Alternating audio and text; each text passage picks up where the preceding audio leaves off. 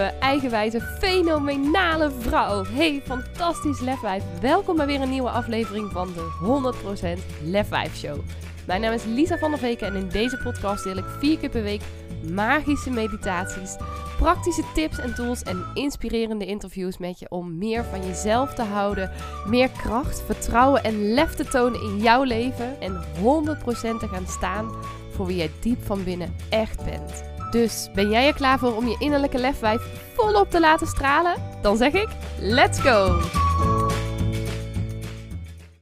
Hey, lieve, mooie, krachtige, prachtige vrouw.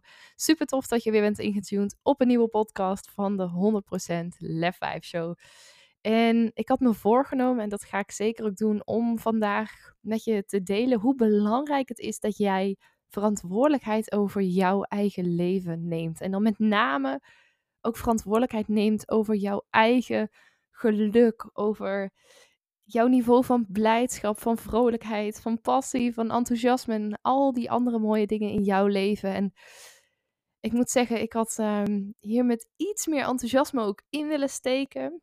Uh, alleen ik heb net, uh, het is inmiddels tien over twaalf s middags, nu ik deze podcast uh, opneem. Ik heb net eh, deze week, of de flair van deze week in de brievenbus gehad. En um, ja, waarin ik ehm, ik ben er even stil van, we moeten even ook naar woorden, waarin ik mijn verhaal deel over mijn postnatale depressie. Ik sta in de rubriek Real Life en um, ik wist dat hij uh, nou, rond deze periode uit zou komen. Ze hadden gezegd begin februari, dus ik had hem eerlijk gezegd nog niet verwacht. Maar viel net op de mat en dacht ik, ja, dat kan niet anders dan dat in deze flare ook uh, mijn verhaal staat. En uh, ik sla hem open en ik zie daar uh, in de inhoudsopgave staan dat mijn verhaal op bladzijde 77 staat. Dus ik ga daar naartoe en er, nou ja, ik zou niet willen zeggen valt een steen op mijn maag, maar ik kijk naar mijn eigen verhaal en, en ik voel gewoon opnieuw even ook de pijn die ik voelde tijdens mijn postnatale depressie. Want dat is ook waar het verhaal over gaat. Ik geef in dit verhaal echt voor het eerst ook zo open zo eerlijk, zo kwetsbaar. Een, nou, niet een inkijkje, maar gewoon een hele beschrijving van hoe die periode voor mij is geweest rondom mijn postnatale depressie na de geboorte van Jens. En vooral ook heel eerlijk um, vertel ik ook in het artikel welke gedachten er allemaal door mijn hoofd gespookt hebben um, destijds. En ik heb er natuurlijk al heel vaak over gedeeld, ook in deze podcast, ook in andere podcasts. Maar de manier waarop dit artikel ook geschreven is, maakte dat toen ik het kreeg ook uh, ter goedkeuring. Want als je dan geïnterviewd wordt, dan krijg je altijd nog uh, de tekst van de, van de journalist ook toegestuurd om te kijken of het ook allemaal klopt, of er geen uh, feitelijke onjuistheden, et cetera, in zitten. Toen ik het toegestuurd kreeg, dacht ik wel even van wow, ga, ga ik hiermee akkoord als het op deze manier is opgeschreven? Want het is ook echt zo opgeschreven dat ik dus zelf moest huilen om mijn eigen verhaal. En dat maakte toen ik net ook het blad opensloeg, dat ik dus opnieuw even ook gewoon die, die pijn intens voelde en ja, mezelf ook gelukkig toe kon staan. Zover eh, ben ik inmiddels dat, dat ik dat dan ook even mag voelen. En bij deze dus ook met jou deel. Ik ben eventjes, ik, ik ben enerzijds ben ik heel blij en heel erg dankbaar ook dat ik dit verhaal heb kunnen delen, heb mogen delen. Dat ik inmiddels op zo'n punt sta dat het voor mij voelt als, ja, enerzijds heel lang geleden, tegelijkertijd ook wel nog heel recent, maar dat er voldoende tijd tussen zit, voldoende emotionele verwerking is geweest, dat ik dit verhaal dus ook op deze manier kan delen, durf te delen ook met heel Nederland en tegelijkertijd ook dankbaar dat ik dit mag delen, want ik weet dat er heel veel vrouwen zijn die dit ook meemaken. Misschien niet exact zoals ik het beleefd heb destijds, maar wel ook in een postnatale depressie zitten. Echt 1 op de 10 vrouwen krijgt hiermee te maken. En ik, nou, als ik daarin steun kan zijn, al is het maar voor één vrouw, dan, dan heeft het gewoon al zijn waarde gehad. En daarom vond ik het ook heel belangrijk om het te delen. En ben ik daar intens blij en dankbaar voor. En tegelijkertijd voelt het ook wel, dus ja, heel naakt zou ik bijna durven zeggen. Ik heb natuurlijk al een keer in uh, De Vrouw gestaan in mijn ondergoed. En uh, over een tijdje, over een paar maanden, komt dat artikel ook uit in de Ouders van Nu ook in mijn ondergoed. En toch voelde dat veel minder naakt, veel minder kwetsbaar dan dit artikel. Omdat het echt heel persoonlijk is. Dus um, Ik zal ook even een linkje, als ik eraan denk, in de show notes zetten naar het artikel. Mocht je denken, waar heeft ze het over? Dan kan je het zelf ook even lezen. Maar het was echt een artikel van vier pagina's. Ik wist dat het een uitgebreid verhaal zou zijn, had de journalist ook gezegd. Het is wat langer dan ik meestal doe. Maar um, nou ja, vier pagina's had ik niet helemaal aanzien komen. En tegelijkertijd denk ik ook, wauw, wat, wat ben ik ook dankbaar dat er zoveel aandacht aan geschonken is. Maar goed, dat tezijde, dat, uh, of nou ja, tezijde, dat is dus waarom ik even iets minder enthousiast in deze podcast zit. Maar desalniettemin wil ik wel heel graag, en misschien ook juist naar aanleiding hiervan, dit onderwerp van vandaag met je delen. Hoe belangrijk het is dat jij verantwoordelijkheid neemt over jouw leven, over jouw geluk. Over nou, hoe jij je voelt. Want even dan ook teruggaand naar dat verhaal van die postnatale depressie. Om heel eerlijk te zijn, in het begin van die depressie zat ik echt heel sterk in de slachtofferrol. En nam ik alles behalve de verantwoordelijkheid daarvoor. Pas achteraf kon ik echt zeggen, durfde ik echt te zeggen, ik heb zelf een heel groot aandeel gehad in het ontwikkelen van die depressie en ook in het voortbestaan daarvan. En nu zeg ik niet um, dat ik daar schuldig aan was, alles behalve. Ik heb dat alles behalve bewust of expres ook gedaan. Ik geloof ook niet als er iemand in een depressie zit die dit luistert, of je iemand kent die ermee te maken heeft, ook, ook welk, welke mentale uitdaging of emotionele uitdaging er op dit moment ook speelt, dat je daar schuldig aan bent. Maar met terugwerkende kracht kan ik wel zelf heel duidelijk zien dat onder andere de gedachte dat ik me niet goed genoeg voelde en dat uitte zich dus heel sterk in het moederschap, er intens aan bijgedragen heeft dat die depressie is ontstaan en ook lang heeft voortgeduurd. Dat ik me zo slecht voelde dat ik ook geen zin had om uit bed te komen soms bijvoorbeeld, of om voor mijn zoontje te zorgen. Ehm, dat ik toen alles behalve de verantwoordelijkheid nam. En wat een enorme shift het ook heeft gebracht toen ik dat wel dus steeds meer ben gaan doen. Toen ik steeds meer ook in die persoonlijke ontwikkeling ben gaan duiken. En, en echt bewust tijd en aandacht heb gecreëerd, heb vrijgemaakt om te denken: oké, maar waar ben ik dankbaar voor? En waar wil ik naartoe? Waar droom ik van? Nou, echt al dat soort fijne dingen. Maar ik heb dus ook echt sindsdien meerdere keren mogen ervaren. En dat is wat ik hier ook mee wil geven, waarin ik je hoop te inspireren. Wat de kracht is van het nemen van verantwoordelijkheid, van de regie over jouw eigen leven en vooral over jouw geluk. Want het is zo ontzettend belangrijk dat als jij je gelukkig wil voelen, als jij je enthousiast wil voelen, als jij je blij wil voelen, als jij je dankbaar wil voelen, of welke positieve emotie dan ook jij meer zou willen ervaren in jouw leven, als je zelfvertrouwen zou willen voelen of meer liefde voor jezelf, dat jij ook de verantwoordelijkheid neemt om daar dus mee aan de slag te gaan. En om ook nou, laten we zelf, het liefde bijvoorbeeld als voorbeeld nemen, was voor mij een hele belangrijke. Ik noemde net al, en zeker als je me langer volgt, dan weet je dit ook, dat ik de gedachte heel vaak had dat ik niet goed genoeg was. En ik ben dus heel bewust aandacht gaan besteden aan de mooie kanten van mezelf, aan, aan lief zijn voor mezelf, aan keuzes maken die voor mij goed voelen en daarin ook verantwoordelijkheid nemen. Verantwoordelijkheid nemen in hoe ik mijn tijd besteden, of ik bijvoorbeeld ja of nee zei als iemand vroeg of ik iets ging doen.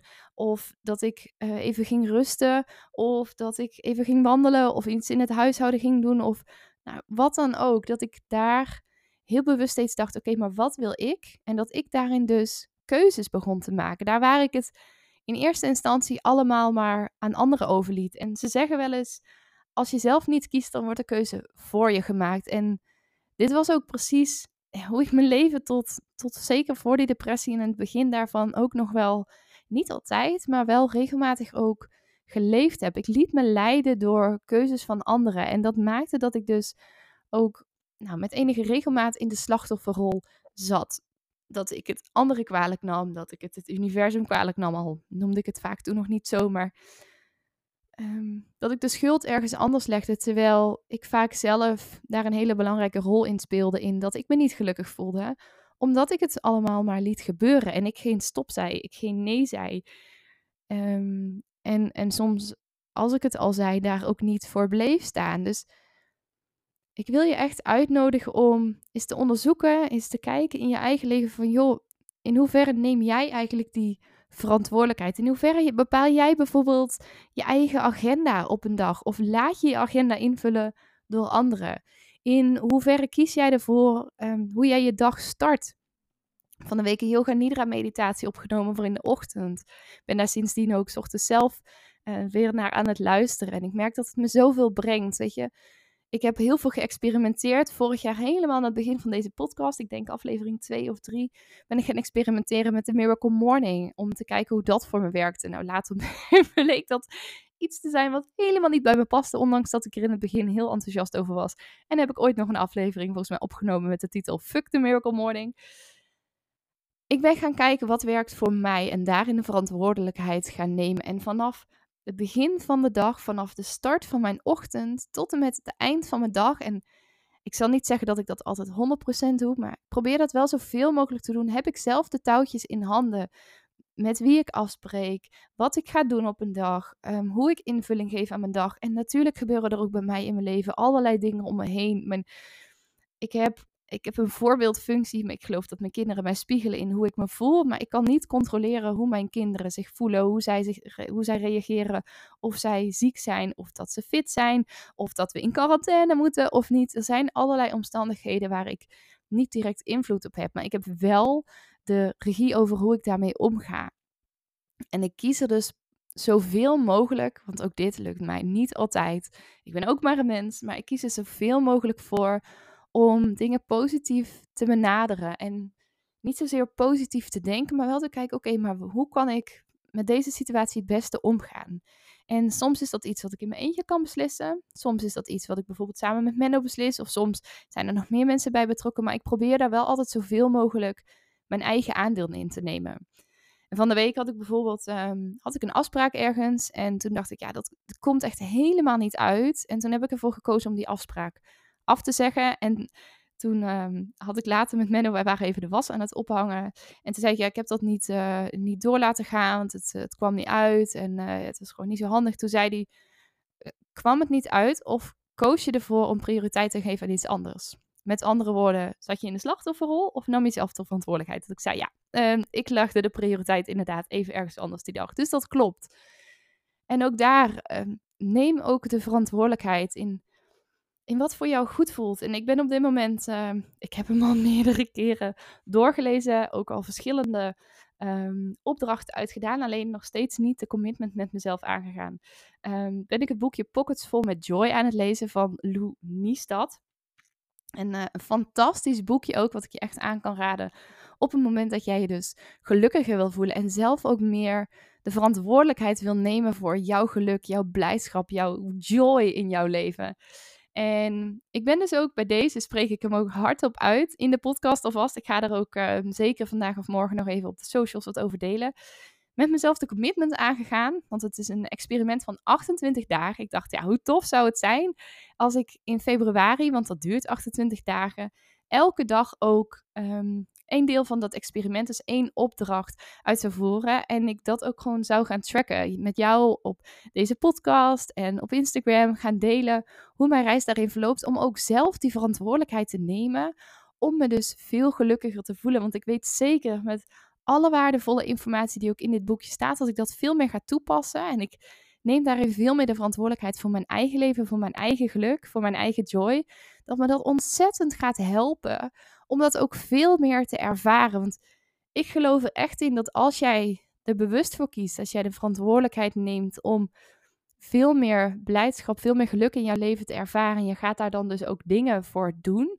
Je gaat actie ondernemen die in lijn ligt met die verantwoordelijkheid die je daarvoor wil nemen.